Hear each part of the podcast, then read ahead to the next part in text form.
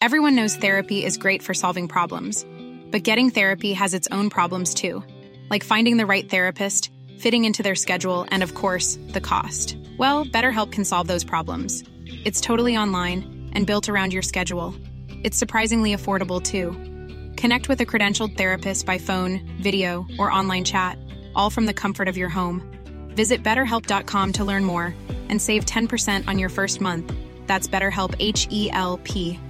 Hey, it's Ryan Reynolds, and I'm here with Keith, co star of my upcoming film, If, only in theaters, May 17th. Do you want to tell people the big news?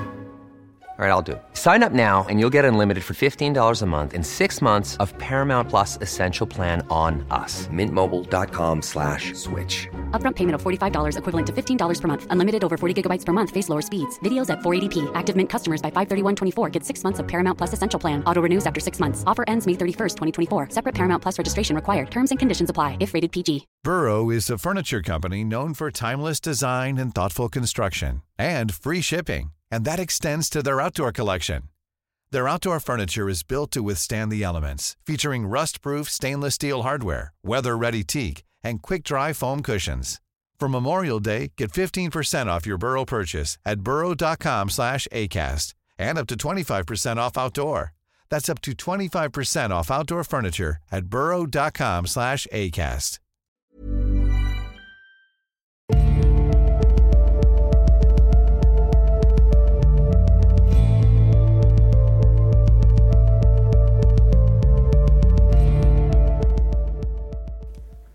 Hei og velkommen til uh, Tåkeprat.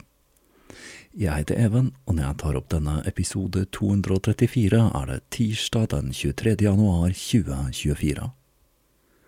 Som jeg har nevnt tidligere, så er mitt store mål for 2024 å løfte Tåkeprat opp til et nytt nivå. Og det er noe som dreier seg ene og alene om tid og økonomi. Jeg har uh, altså tatt noen grep og i disse dager forsøker jeg meg med å kjøre litt reklame. Da på den minst inngripende måten mulig, med en liten snutt før og etter episodene. Allerede, bare etter noen få dager, har jeg sett at dette har enormt mye å si for inntekten min. Jeg får nå faktisk betalt når noen hører på podkasten min, og jeg øyner nå et håp om at jeg kan klare å få nok ut av podkasten til at jeg kan trappe ned på annen jobb og ha full fokus på denne podkasten som har vært en så sentral del av livet mitt siden 2016. Håpet er at eh, sammen med Patrion så vil det være mulig å holde hele podkast-feeden åpen ved hjelp av litt reklame. Så får vi se hvor jeg ender opp. Men enn så lenge så ser dette altså ganske lovende ut. Det går i hvert fall riktig vei.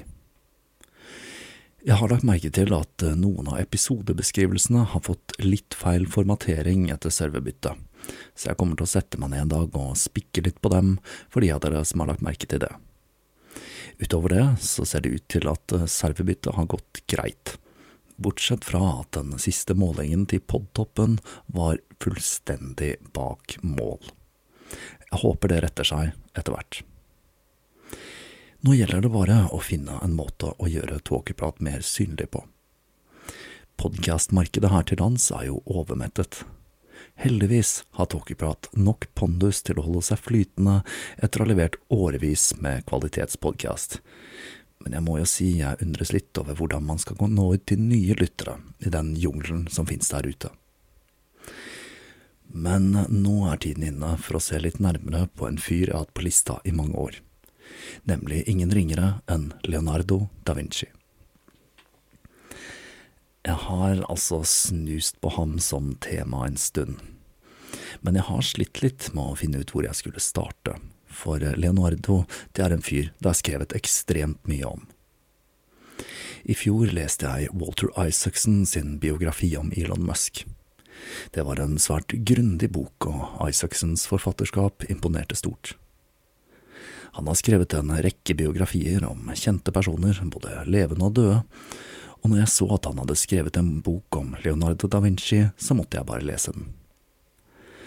Dette er en biografi om mesteren som er såpass oppdatert og nøyaktig at jeg følte den ville danne et godt utgangspunkt for en serie om Leonardo. Og nå er vi altså her. Selv har jeg vært fascinert av denne multikunstneren helt siden jeg var barn.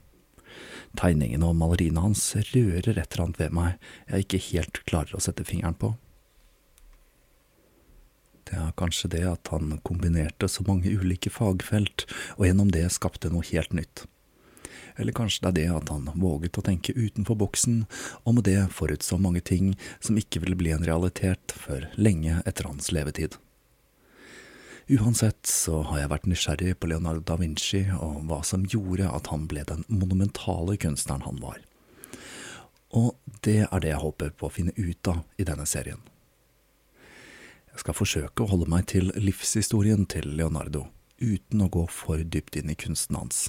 Dette er tross alt en lydpodkast, men det kan nok bli en liten prøvelse.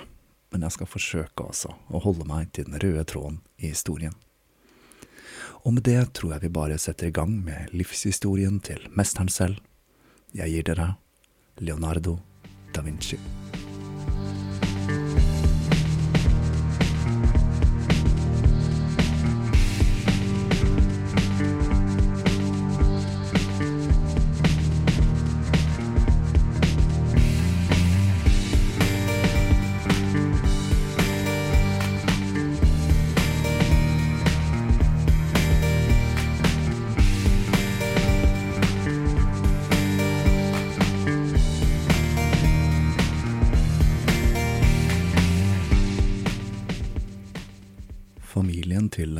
Til kan spores tilbake til begynnelsen av 1300-tallet, hvor hans tipp-tipp-oldefar tjenestegjorde som notar i den, det lille forstedet Vinci, tre mil vest for Firenze.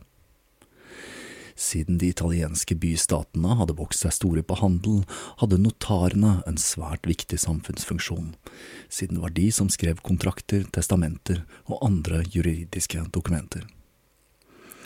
Michel fikk etter hvert hederstittelen Ser, en tittel observante lyttere kanskje kjenner igjen fra Game of Thrones, der den ble brukt som en riddertittel.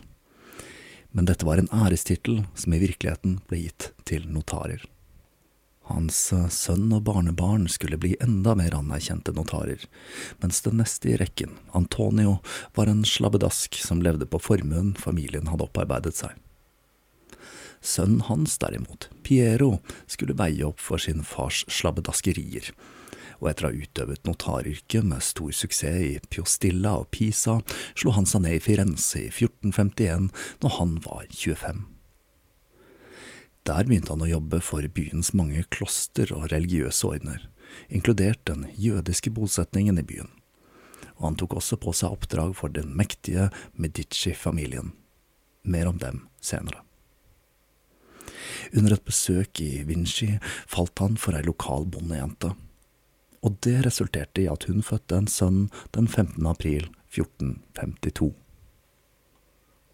Dette barnet var Leonardo da Vinci. Det at han ble født utenfor ekteskapet, skulle vise seg å være svært så heldig for vår hovedperson.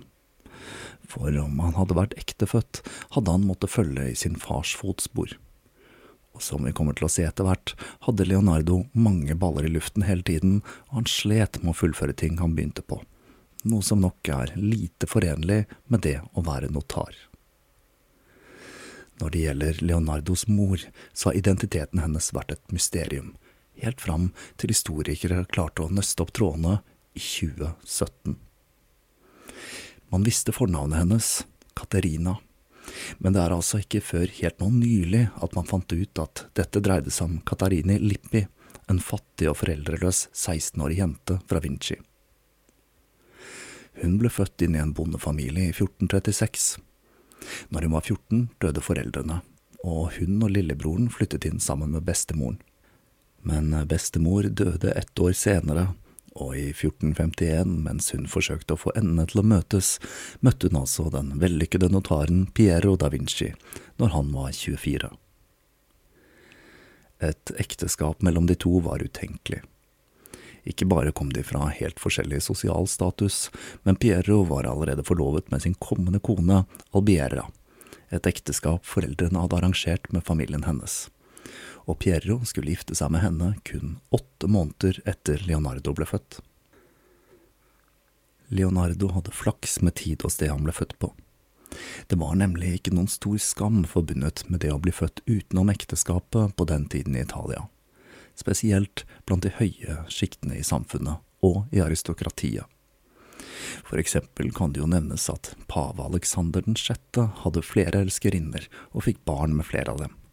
En av dem var Cesare Borgia, som skulle bli kardinal. Etter hvert skulle altså den katolske kirken sette ned foten, og bestemte at presteskapet skulle leve i sølibat. Og jeg må jo si at det gikk jo ikke så veldig bra. Jeg vil iallfall heller ha en pave med en haug med utenomekteskapelige affærer enn pedofile prester. Men det er nå min mening som en uteforstående, da. Disse barna som ble født utenom ekteskapet, hadde ikke en helt fast identitet. De var litt en del av familien, men ikke helt. Men de fikk en del muligheter barn født inn i arverekken ikke hadde, som Leonardo, som ville vært forventet å bli notar. Dette var en periode der kreativitet ble belønnet, og akkurat det var veldig flaks for Leonardo. Like etter fødselen fikk Piero Catarina gift med en lokal bonde som jobbet for Vinci-familien. Det er ikke helt klart hvor Leonardo ble født. Familien hadde et hus like ved borgen som lå i hjertet av byen, men det er lite trolig at familien syntes det var greit å ha en gravid kvinne i huset, spesielt siden det var midt i forhandlinger om medgift til det kommende giftermålet til Piero. Slik historien blir fortalt, ble Leonardo født i et lite hus tre kilometer utenfor Vinci, i Anciano, hvor det i dag er et Leonardo da Vinci-museum. Eiendommen tilhørte noen venner av familien, og det ville være et ideelt sted å skjule Katarina mens hun var gravid. Leonardo ble døpt dagen etter fødselen, og til tross for at han var født utenom ekteskapet, ble dette markert med en storstilt feiring. Selv skrev ikke Leonardo noe om opphavet sitt, men han hinter kanskje om det når han skriver en mann som har samleie aggressivt og tvunget, vil produsere barn som er irritable og ikke til å stole på men hvis samleie utføres med kjærlighet og lyst fra begge parter, vil barnet bli intelligent, vittig, livlig og elskelig. Vi får vel gå ut ifra at Leonardo tenkte på seg selv når han skrev dette. De første leveårene skulle Leonardo bytte på å bo med farens familie og moren og den nye mannen som hadde slått seg ned på en gård utenfor Vinci. Katarina og den nye mannen med det vanskelige navnet Akatabriga, tror jeg det skal være, fikk en hel haug med barn. Og det var nok noe av grunnen til at han begynte å tilbringe mer og mer tid med farens familie. For Piero og Albeira de forble barnløse, og når Leonardo var fem, tilbrakte han det meste av tiden sammen med faren og bestefaren. Denne slabbedasken, altså. Den yngste broren til faren, Francesco, bodde også i huset og han slektet nok litt på sin far. Han var nemlig opptatt av å ta livet med ro, og faren sa rett ut at alt han gjør er å henge hjemme uten å gjøre noe. Og Leonardo, han skulle bli nært knyttet til denne onkelen. Siden Leonardo ikke var ektefødt, fikk han ikke en klassisk utdannelse, men måtte nøye seg med å gå ved en såkalt rammeskole, hvor han lærte grunnleggende matematikk. Jeg vet ikke om rammeskole er noe man bruker på norsk. Navnet på skoletypen er noe i retning av kulerammeskole, men jeg synes altså rammeskole høres veldig flott ut, og jeg forholder meg til det, riktig eller ikke. Det at han ikke hadde noen formell utdannelse, var noe Leonardo skulle være stolt av, og ironisk omtalte han ofte seg selv som en ulærd mann. Det at han ikke likte autoriteter, og at han hele tiden utfordret konvensjonell lære, førte til at han begynte å utforske ting på en måte som ligner den vitenskapelige metode, ved eksperimenter, nysgjerrighet og ren og skjær undring. I tillegg hadde han en egen evne til å observere bevegelse og natur. I det hele tatt, vi kan si at det var mange ting som klaffet perfekt for Leonardo. I 1452 åpnet Johannes Gutenberg sitt første trykkeri, og det ble mulig å tilegne seg kunnskap utenom skolesystemet. Dette var begynnelsen på en 40 lang periode hvor de italienske bystatene ikke var i konstant krig med hverandre, og det førte til at analfabetismen stupte og levestandarden skjøt i været. Krigene mellom de italienske bystatene er jo kjent materie her i Tåkeprat. Her vil jeg tipse om serien Leiesoldaten, hvor jeg blant annet tar for meg disse konfliktene. Når osmanerne tok Konstantinopel i 1453, flyktet horder med skriftlærde til Italia og kunnskapen de hadde med seg om de klassiske greske filosofene, kombinert med den voksne velstanden, gjorde at spesielt Firenze ble kimen i renessansen til kunst og humanisme. Frem til han var tolv, bodde Leonardo mest sammen med besteforeldrene og onkelen i Vinci. Faren og stemoren flyttet til Firenze når han var fem, og moren fikk som sagt en hel skokk med barn og hadde nok å henge fingrene i. Men i 1446 skjedde noe som skulle endre tilværelsen hans. Albeira hadde endelig blitt gravid, men hun døde under fødselen. Så faren, som nok ble ensom, tok gutten med seg til Firenze. Pierro hjalp sønnen med å finne steder å gå i læra, og med å skaffe ham oppdrag. Men det er én ting han ikke gjorde, og det var å legitimere ham slik at han kunne bli notar. Dette skyldtes nok to ting. For det første håpte nok Pierro å få en legitim sønn som kunne arve ham, og det skulle han etter hvert få. Og for det andre så godtok ikke notarlauget barn født utenfor ekteskapet, til tross for at disse hadde blitt juridisk legitimert. Et år etter giftet faren seg på nytt, men det var ikke før han giftet seg enda en gang i 1475 med en kvinne som da var seks år yngre enn Leonardo selv. Han fikk en arving som skulle overta familietradisjonen og bli notar. På 1400-tallet var Firenze den perfekte yngleplassen for nye ideer. Det var en by hvor kunst, teknologi og handel var nært sammenknyttet. Gullsmeder, skreddere og malere jobbet side om side og samarbeidet om å skape nye og fantastiske ideer og former. Florinen, valutaen i Firenze, var anerkjent i hele Europa på grunn av den høye renhetsgraden på gullet. En tredjedel av befolkningen kunne lese, noe som var den høyeste andelen i Europa. Byen var ikke bare kjent for frihet, utdanningsinstitusjonene og rent vann, men befolkningen var også kjent for å være svært elegante og smakfullt kledd. Her kommer jeg på at de prostituerte i Firenze måtte gå med en hatt med bjeller på i middelalderen. Jeg er litt usikker på om dette er en tradisjon man vedlikeholdte i renessansen. Byens katedral var den vakreste i hele Italia, og kuppelen på katedralen, som ble bygget av arkitekten Filippo Brunelleschi, var et mesterverk både innen kunst og ingeniørkunst. Arkitektur og kunst gikk nemlig hånd i hånd, og mange arkitekter var også kunstnere og vice versa. Det bodde 40 000 mennesker i Firenze. Det hadde vært flere der før, men når svartedauden kom, ble befolkningen på 100 000 dramatisk redusert. Men som det ofte var, så ble det flere goder til de som var igjen. Det var minst 100 svært velstående familier, og i tillegg vokste det seg fram en ny middelklasse. Siden mange av disse var nyrike, brukte de penger på å bestille kunstverk for å vise seg fram, noe som førte til en berikelse av kunstmiljøet i byen. I tillegg brukte de penger på vakre klær og litteratur. Når Leonardo kom til Firenze, var det flere treskjærere i byen enn det var slaktere, og hele byen var i seg selv blitt et levende kunstverk. Jeg har selv aldri vært i Firenze, men nå får jeg lyst til å dra dit selv om jeg aller helst skulle tatt en tur både i tid og rom, for dette var nok den ultimate perioden å dra dit på. Det var ett område til der Firenze skilte seg ut. For byen ble ikke styrt av aristokrater slik som var vanlig, men det var en republikk styrt av kjøpmenn og av de ulike laugene. Men dette er også en sannhet med store modifikasjoner, for den mektigste familien i byen var Medici-familien og ingenting skjedde i byen uten deres godkjennelse.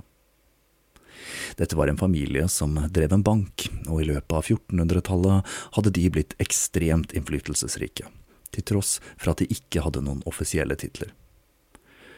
På 1430-tallet ble Medici den største banken i Europa, og det var de som håndterte rikdommen til de mest velstående familiene på kontinentet. Medici oppfant sine egne systemer for kreditt og gjeld, og gjennom renkespill og bestikkelser hadde familiens overhode Cosimo Medici i praksis blitt den øverste autoriteten i Firenze. Og han var nok ikke den dummeste herskeren de kunne ha. Cosimo var utdannet innen gresk og romersk litteratur, og han grunnla og subsidierte det første offentlige biblioteket i byen. Han var også med å subsidiere det yrende kunstlivet der. Han døde like etter at Leonardo kom dit, og han ble fulgt av sin sønn. Fem år senere tok barnebarnet hans over, Lorenzo di Medici, senere kalt Lorenzo den fantastiske. Lorenzo hadde blitt utdannet innen humanistisk litteratur og filosofi av sin mor, som selv var en poet. Og han fortsatte å støtte opp om akademia og kunstlivet i byen. Lorenzo var opptatt av friluftsliv, og var kanskje ikke like opptatt av bankvesenet som forgjengeren sin, og det ble sagt at han var mer opptatt av å bruke rikdom enn å tjene den. I løpet av de 23 årene han var familiens overhode, skulle han finansiere kunstnere som Botticelli og Michelangelo, og støtte kunstverksted som det til Andrea del Verrocchio, noe som er av spesiell interesse for vår historie. I tillegg til kunst, kultur, handel og idémyldring var In the market for investment worthy bags, watches, and fine jewelry, Rebag is the answer. Rebag is a luxury resale platform where each piece is carefully inspected by experts to ensure quality and authenticity. Use Rebag to buy and sell finds from the world's top brands, including Louis Vuitton, Chanel, and Cartier. Head to Rebag.com to get 5% off your first purchase with code REBAGNEW. Shop today at Rebag.com. That's R E B A G.com. And use promo code REBAGNEW for 5% off your first purchase. Burrow is a furniture company known for timeless design and thoughtful construction, and free shipping, and that extends to their outdoor collection. Their outdoor furniture is built to withstand the elements, featuring rust-proof stainless steel hardware, weather-ready teak, and quick-dry foam cushions. For Memorial Day, get 15% off your Burrow purchase at burrow.com slash ACAST, and up to 25% off outdoor. That's up to 25% off outdoor furniture at burrow.com slash ACAST. Kjent for underholdning. Lorenzo stelte i stand store spill og karneval som stimulerte og inspirerte, og en som ble veldig inspirert av det han så, var nettopp Leonardo. Dette var en kultur som belønnet de som var villige til å tenke annerledes, og som kombinerte ulike ferdigheter for å skape noe nytt. Dette var det perfekte stedet for multikunstnere, eller såkalte polymatter. Og det var to av disse som spesielt påvirket Leonardo. Den første var Filippo Brunelleschi, mannen som hadde designet kuppelen på katedralen. I likhet med Leonardo var han sønn av en notar, men han hadde lyst til å gjøre noe mer med livet sitt, og begynte å gå i læra for å bli gullsmed. Etter hvert begynte han også å interessere seg for arkitektur, så han dro til Roma for å studere ruinene der. Kuppelen han konstruerte består av fire millioner murstein, og den er fremdeles den største mursteinskuppelen i verden. For å lage den var Brunelleschi nødt til å konstruere nye matematiske teknikker, og ikke minst mekanismer som gjorde byggingen mulig. Senere skulle noen av disse innretningene bli brukt i teaterforestillinger, der man benyttet seg av flygende karakterer og bevegelige landskap. Brunelleschi gjenoppdaget også perspektivet i kunst, noe man ikke hadde i middelalderens billedkunst. Etterfølgeren hans og den andre store polymatten som inspirerte Leonardo, var Leon Battista Alberti. Han videreutviklet mange av ideene til Brunelleschi, annet teoriene hans om perspektiv. Alberti var i likhet med Leonardo født utenfor ekteskap, men i motsetning til ham fikk han en klassisk utdannelse. Han ble senere ordinert til prest og ble skriver for paven. Han var interessert i absolutt alt, og var kjent for å kunne diskutere ulike ting med personer fra alle samfunnslag i timevis, fra skomakere til akademikere, for å lære det han kunne av dem. Leonardo holdt ofte kortene tett i brystet og delte ikke alt han hadde oppdaget, men der var Albert i den rake motsetningen. Han delte alt han hadde lært, og samlet en gruppe med intellektuelle som kunne bygge på hverandres arbeid. Det er lite trolig at de to noen gang møttes, men Alberti hadde allikevel en sterk innflytelse på den unge Leonardo, som begynte å etterligne måten han skrev og oppførte seg på. Alberti hadde en livsfilosofi om at det var tre ting i livet man måtte mestre til perfeksjon, og det var å gå i byen, å ri på hest og det å snakke. Og Leonardo skulle lære seg å mestre alle de tre.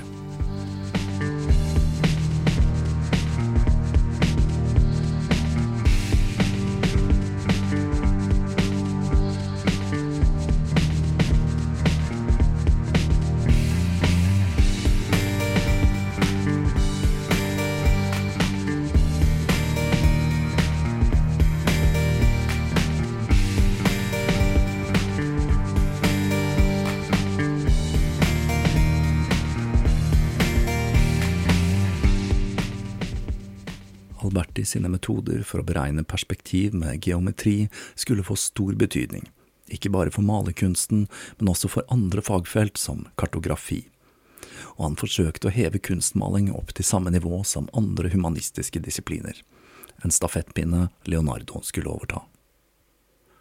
I motsetning til Alberti hadde altså ikke Leonardo noen formell utdannelse, men han brukte observasjon som en teknikk for å lage hypoteser. Leonardo slet med å holde fokuset på én oppgave i lengre tid. Han ble lett distrahert og fascinert av noe nytt og spennende. Det skulle etter hvert vise seg at han var dyktig i geometri, men han lærte seg aldri algebra, og det var ikke før han var i 30-årene han forsøkte å lære seg latin. Han var så kjevhendt, og det gjorde at han skrev fra høyre mot venstre og speilvendte bokstavene. Senere har det vært spekulert i om dette var en slags kodeskrift som skulle gjøre det vanskelig å lese notatene hans, men dette var ikke en helt uvanlig måte for Keivente å skrive på. Det var nemlig veldig praktisk om han ikke ville dra blekket utover. Når han skrev tall, gjorde han det derimot på den vanlige måten, noe som kan tyde på at lærerne ved denne rammeskolen ikke satte pris på hans keivhendthet. Det å være keivhendt ble nemlig sett på noe som ikke var helt riktig, eller noe som rett og slett var litt unaturlig. Leonardos keivhendthet har en stor fordel for oss i dag. Penselstrøkene hans går nemlig nedenifra og opp mot venstre, noe som kan være med på å verifisere om et maleri faktisk er malt av Leonardo eller ikke. Når han var 14, klarte faren å fikse en læringsplass hos Andrea del Verrocchio, en kunstner og ingeniør som drev et av de mest anerkjente kunstverkstedene i Firenze. Faren hadde tatt med seg noen av skissene til Leonardo til Verrocchio, og spurte om det kunne være noe penger å tjene på guttens ferdigheter. Piero kjente Verrocchio godt fra før, for han hadde tatt på seg flere oppdrag for ham som notar. Men det var nok ikke det som gjorde at han tok til seg gutten. Det var den rene kvaliteten på arbeidene faren viste fram, som gjorde at han øynet håp for den unge Leonardo. Ved verkstedet til Verrocchio lærte man blant annet tegne- og maleteknikker, overflateanatomi og hvordan lys reflekterer på ulike materialer. Diskusjonene på huset dreide seg om tema som matte, disseksjon, musikk, anatomi og filosofi. Leonardo var visstnok mest opptatt av geometri. Arbeidene som ble produsert ved akademiet, ble ikke signert. De var nemlig ikke tenkt som arbeidet til en enkelt kunstner, men skulle reflektere det samlede arbeidet i akademiet. Målet var å produsere en jevn strøm med kunstverk uten å fremheve én spesiell kunstner. Ulempen med dette kreative kollektivet var at det var ikke alltid Verrocchio klarte å bli ferdig med kunstverkene sine til avtalt tid. Noen ganger kunne det gå år før han ble ferdig med enkelte malerier. Leonardo skulle overgå Verrocchio på mange felt, og dette var et av dem. Han skulle bruke årevis på enkelte av verkene sine. Siden de som jobbet ved kunstverkstedet ikke hadde klassisk utdannelse, ble de ikke sett på som en del av den kulturelle eliten. Men i da Vincis tid var dette i ferd med å forandre seg.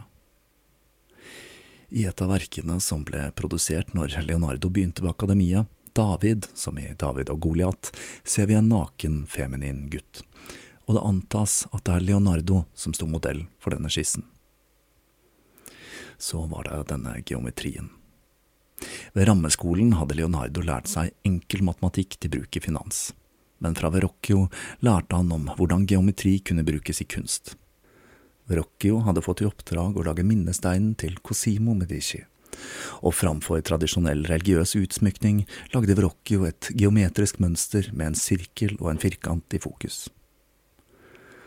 Leonardo lærte at det var harmoni i proporsjon, og at hele naturen kunne tolkes som matematikk. Minnesteinen var ferdig i 1467, og to år senere fikk verkstedet en enorm oppgave. De skulle konstruere en to tonn stor kule som skulle plasseres på toppen av kuppelen til katedralen. Arbeidet ble ferdig i 1471, og dette gjorde så stort inntrykk på Leonardo at han skulle skrive om det i flere tiår etterpå. For ham representerte dette den perfekte representasjonen av samspill mellom kunst og ingeniørkunst. Denne ballen besto av stein som ble dekket med kobber og så forgylt. Det var selvsagt ingen sveiseapparater på den tiden, så for å feste kobberet måtte det loddes med et loddeapparat som besto av små speil som fokuserte sollys. Man måtte forstå geometri for å regne ut kurven på speilglassene, og dette fascinerte Leonardo endeløst. Han begynte å tegne en rekke med skisser, nesten 200, som illustrerte såkalte ildspeil som kunne fokusere lys fra ulike vinkler. Senere i livet skulle han også spekulere i om denne teknikken kunne brukes til å lage en form for strålevåpen, ikke helt ulikt hva vår serbiske venn Tesla skulle koke i hop noen hundre år senere. Leonardo ble også inspirert av rivalen til Verrocchio, nemlig Antonio del Polaiolo, han hadde begynt å dissekere menneskekropper for å studere anatomi, og med det få en dypere forståelse av menneskekroppen, slik at han kunne lage mer realistiske fremstillinger av den. Faren til Leonardo hadde jo håpet at det skulle bli mulig å tjene penger på sønnens arbeid, og det viste det seg ganske tidlig at det var. En av bøndene som jobbet på eiendommen hans, spurte en dag om han kunne hjelpe ham med å få dekorert et skjold og faren bestemte seg for å ta med dette til Leonardo. Leonardo bestemte seg for å lage et slags drakelignende monster på skjoldet, og det gjorde han ved å bruke ekte deler av øgler, slanger, sommerfugler og flaggermus. Skjoldet luktet visstnok ikke spesielt godt under prosessen, men Leonardo brydde seg ikke, for han var oppslukt av arbeidet. Når Piero kom for å hente skjoldet, skvatt han først. Så livaktig var det Leonardo hadde skapt. Faren bestemte seg for å beholde skjoldet selv, og ga heller bonden et nytt skjold. Senere ble det solgt til noen kjøpmenn for 100 dukater, og de solgte det videre til hertugen av Milan for 300. Dette skjoldet er det første kunstverket til Leonardo vi kjenner til. I tillegg til kunstverkstedene var det en annen ting som inspirerte Leonardo, og det var de store tilstelningene til Medici-familien. Leonardo var kjent for å kle seg fargerikt og han ble raskt interessert i teaterlivet. I årenes løp skulle han designe kostymer, kulisser, spesialeffekter og scenemaskineri. Dessverre vil vi aldri få oppleve de spektakulære tilstelningene han var med på å lage, for alle spor vi har etter dem er skisser og notater i notatbøkene hans. For Leonardo var dette også en måte å forene kunst og ingeniørkunst på, og dette var med på å forme han som person. Kunstnere som jobbet med teater, var eksperter på perspektiv, og bakteppene og kulissene var viktige ingredienser i å skape sceneillusjonen. Det samme var maskineriet som tret de bevegelige gjenstandene og scenebyttet. Leonardo studerte hvordan perspektiv fungerte fra ulike synsvinkler. Han elsket å blande illusjon med virkelighet. Det som er tingen, og noe som var nytt for meg, er at dette er med på å forklare en rekke av Leonardos mer fantasifulle skisser. Det er et eget navn på scenemaskineri på italiensk, ingegni, og dette kunne dreie seg om maskineri som var med på å bytte scene, eller som gjorde deler av kulissene bevegelige. Noen av skissene til Leonardo dreier seg nemlig nettopp om ingegni, og ikke maskiner tenkt til virkelig bruk. Mange av dere har sikkert sett Leonardos korketrekkerhelikopter, en tegning som ofte blir omtalt som verdens første forsøk på et helikopter. Selv om Leonardo skulle tegne flymaskiner som var tenkt å faktisk kunne få mennesker til å fly, var nok akkurat dette helikopteret tiltenkt scenen og ikke faktisk flyvning. Helikopteret har ingen mekanisme som lar et menneske styre det, og det er langt fra stort nok til at det faktisk kunne tenkes å lette. I en av skissene av dette helikopteret skriver han også at korketrekkerne skulle lages av stål og festes med en opptrekksfjær slik at den kunne rotere. Dette var en mekanisme som fantes i leketøy på den tiden, og alt dette tyder på at dette var en innretning som var ment for scenen. Leonardo trivdes så godt i verkstedet til Verrocchio at når han var ferdig med å gå i læra i 1472, bestemte han seg for å bli boende der. Han registrerte seg i Firenzes malerbrorskap, Compagnia di San Luca, og dette var ikke et laug, men altså et brorskap, og blant medlemmene finner vi personligheter som Botticelli, Filippino Lippi og ikke minst Verrocchio selv. Når han var blitt ferdigutdannet maler og blitt med i brorskapet, tok han seg en tur tilbake til Vinci sommeren 1473. Leonardo var 21 år, og på denne turen tegnet han hva som er den eldste overlevende kunsttegningen hans. Det dreier seg om et panorama, en pennesketsj av et område ved Arno-elva som går like ved Vinci. Flere artister hadde tegnet landskap som bakteppe til teater, men Leonardo gjorde noe helt annet. Han tegnet naturen for naturens skyld. Og dette er det første eksempelet på dette i europeisk kunst. Tegningen viser også at Leonardo klarte å formidle bevegelse i bladene på trærne og i vann som rant ned i en dam. På midten av 1470-tallet skulle han også få være med Verrocchio på et av hans store verk, Jesu dåp. I dette maleriet har Leonardo malt en engel i venstre av bildet, og ifølge legenden ble Verrocchio slått helt i bakken av den unge mannens talent, og sverget på at han selv aldri skulle ta i en pensel igjen. Det kan være en kjerne av sannhet i den skrønerhistorien, for Verrocchio skulle faktisk aldri fullføre et maleri på egen hånd etter dette. På denne tiden begynte Leonardo også å male sine egne bilder. Han malte minst fire mens han fremdeles jobbet ved verkstedet. Som sagt så skal jeg ikke gå så altfor dypt inn i alle kunstverkene til Leonardo, men her er det to jeg føler det er verdt å nevne. Det første er Kunngjøringen, et maleri av engelen Gabriel som forteller Maria at hun skal føde Guds sønn. Dette bildet er verdt å nevne fordi det ikke er spesielt bra. Det er en rekke perspektivfeil og stive figurer som gjør at det har vært diskutert om dette maleriet faktisk er malt av mesteren selv men det er tilstrekkelig med bevis til å fastslå at det er Leonardo som står bak det. Om ikke alene, var han iallfall hovedkunstneren til verket. I bildet eksperimenterer Leonardo med hva som kalles anamorfosis, en teknikk der perspektivet ser feil ut når man ser rett på bildet, men riktig når man ser det i vinkel. Bildet er ment å se pent ut om man kommer inn i kirkerommet fra høyre, men han lyktes ikke helt der, den godeste Leonardo. Det andre maleriet jeg føler er verdt å ta med her, er Ginevra di Benci. Dette er Leonardos første ikke-religiøse verk, og det var et bestillingsverk han hadde fått med farens hjelp. Ginevra var datteren til en finansmann som ble giftet vekk når hun var 16 i 1474, og bildet var nok tenkt som en gave enten til bryllupet eller forlovelsen. Ved første øyekast er bildet uimponerende men når man ser nøye på kvinnen med det bølgete brune håret, kan man se at hun sklir sammen med enebærbusken i bakgrunnen. I renessansens Italia ble enebær forbundet med kyskhet, og det er også et slags ordspill på navnet hennes. Enebær er ginepro på italiensk, så ginepro og genevra. Det mest iøynefallende er øynene hennes. De stirrer likegyldig mot oss med et ekstremt realistisk blikk hvor lyset reflekteres.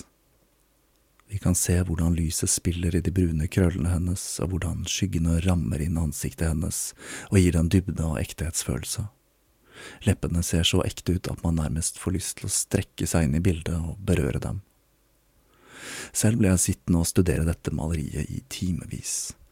For hva som først ser ut som et litt kjedelig bilde, viser seg å være noe langt mer. Bildet fremstår for meg som hyperrealistisk. Det ser mer virkelig ut enn virkeligheten selv. Man kan bare forsøke å forestille seg hvordan dette bildet ble mottatt i 1474. Dette er grunnen til at jeg har valgt nettopp dette maleriet til å illustrere denne første delen i serien om Leonardo da Vinci. Og for de som er interessert, ligger det fritt tilgjengelig i svært høy oppløsning på nett, og det er et bilde det er verdt å fordype seg i. Og med Ginevra di Benci ser vi for aller første gang hva Leonardo skulle uttrykke til perfeksjon i Mona Lisa.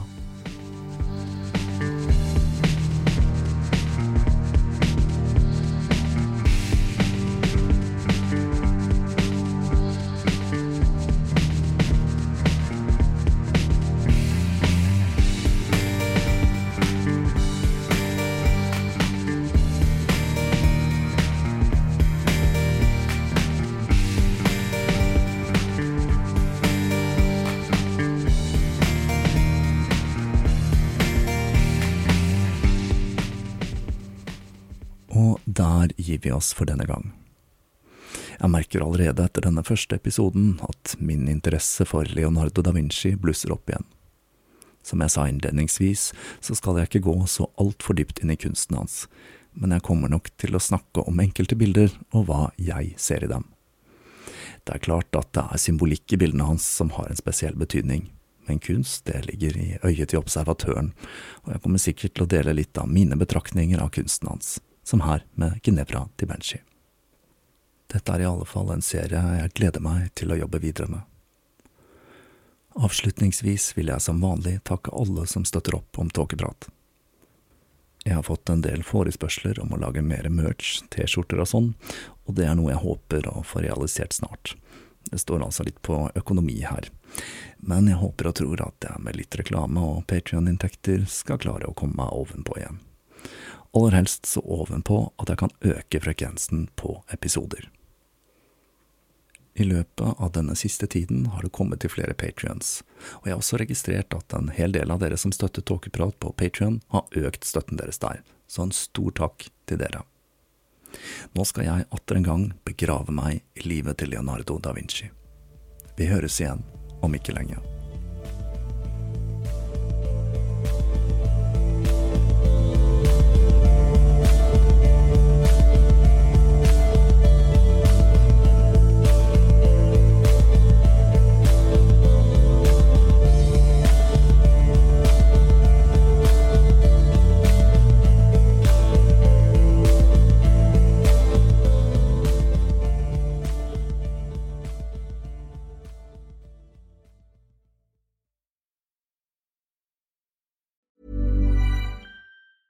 Planning for your next trip? Elevate your travel style with Quince. Quince has all the jet setting essentials you'll want for your next getaway, like European linen, premium luggage options, buttery soft Italian leather bags, and so much more. And is all priced at 50 to 80% less than similar brands. Plus, Quince only works with factories that use safe and ethical manufacturing practices. Pack your bags with high-quality essentials you'll be wearing for vacations to come with Quince. Go to quince.com slash pack for free shipping and 365-day returns.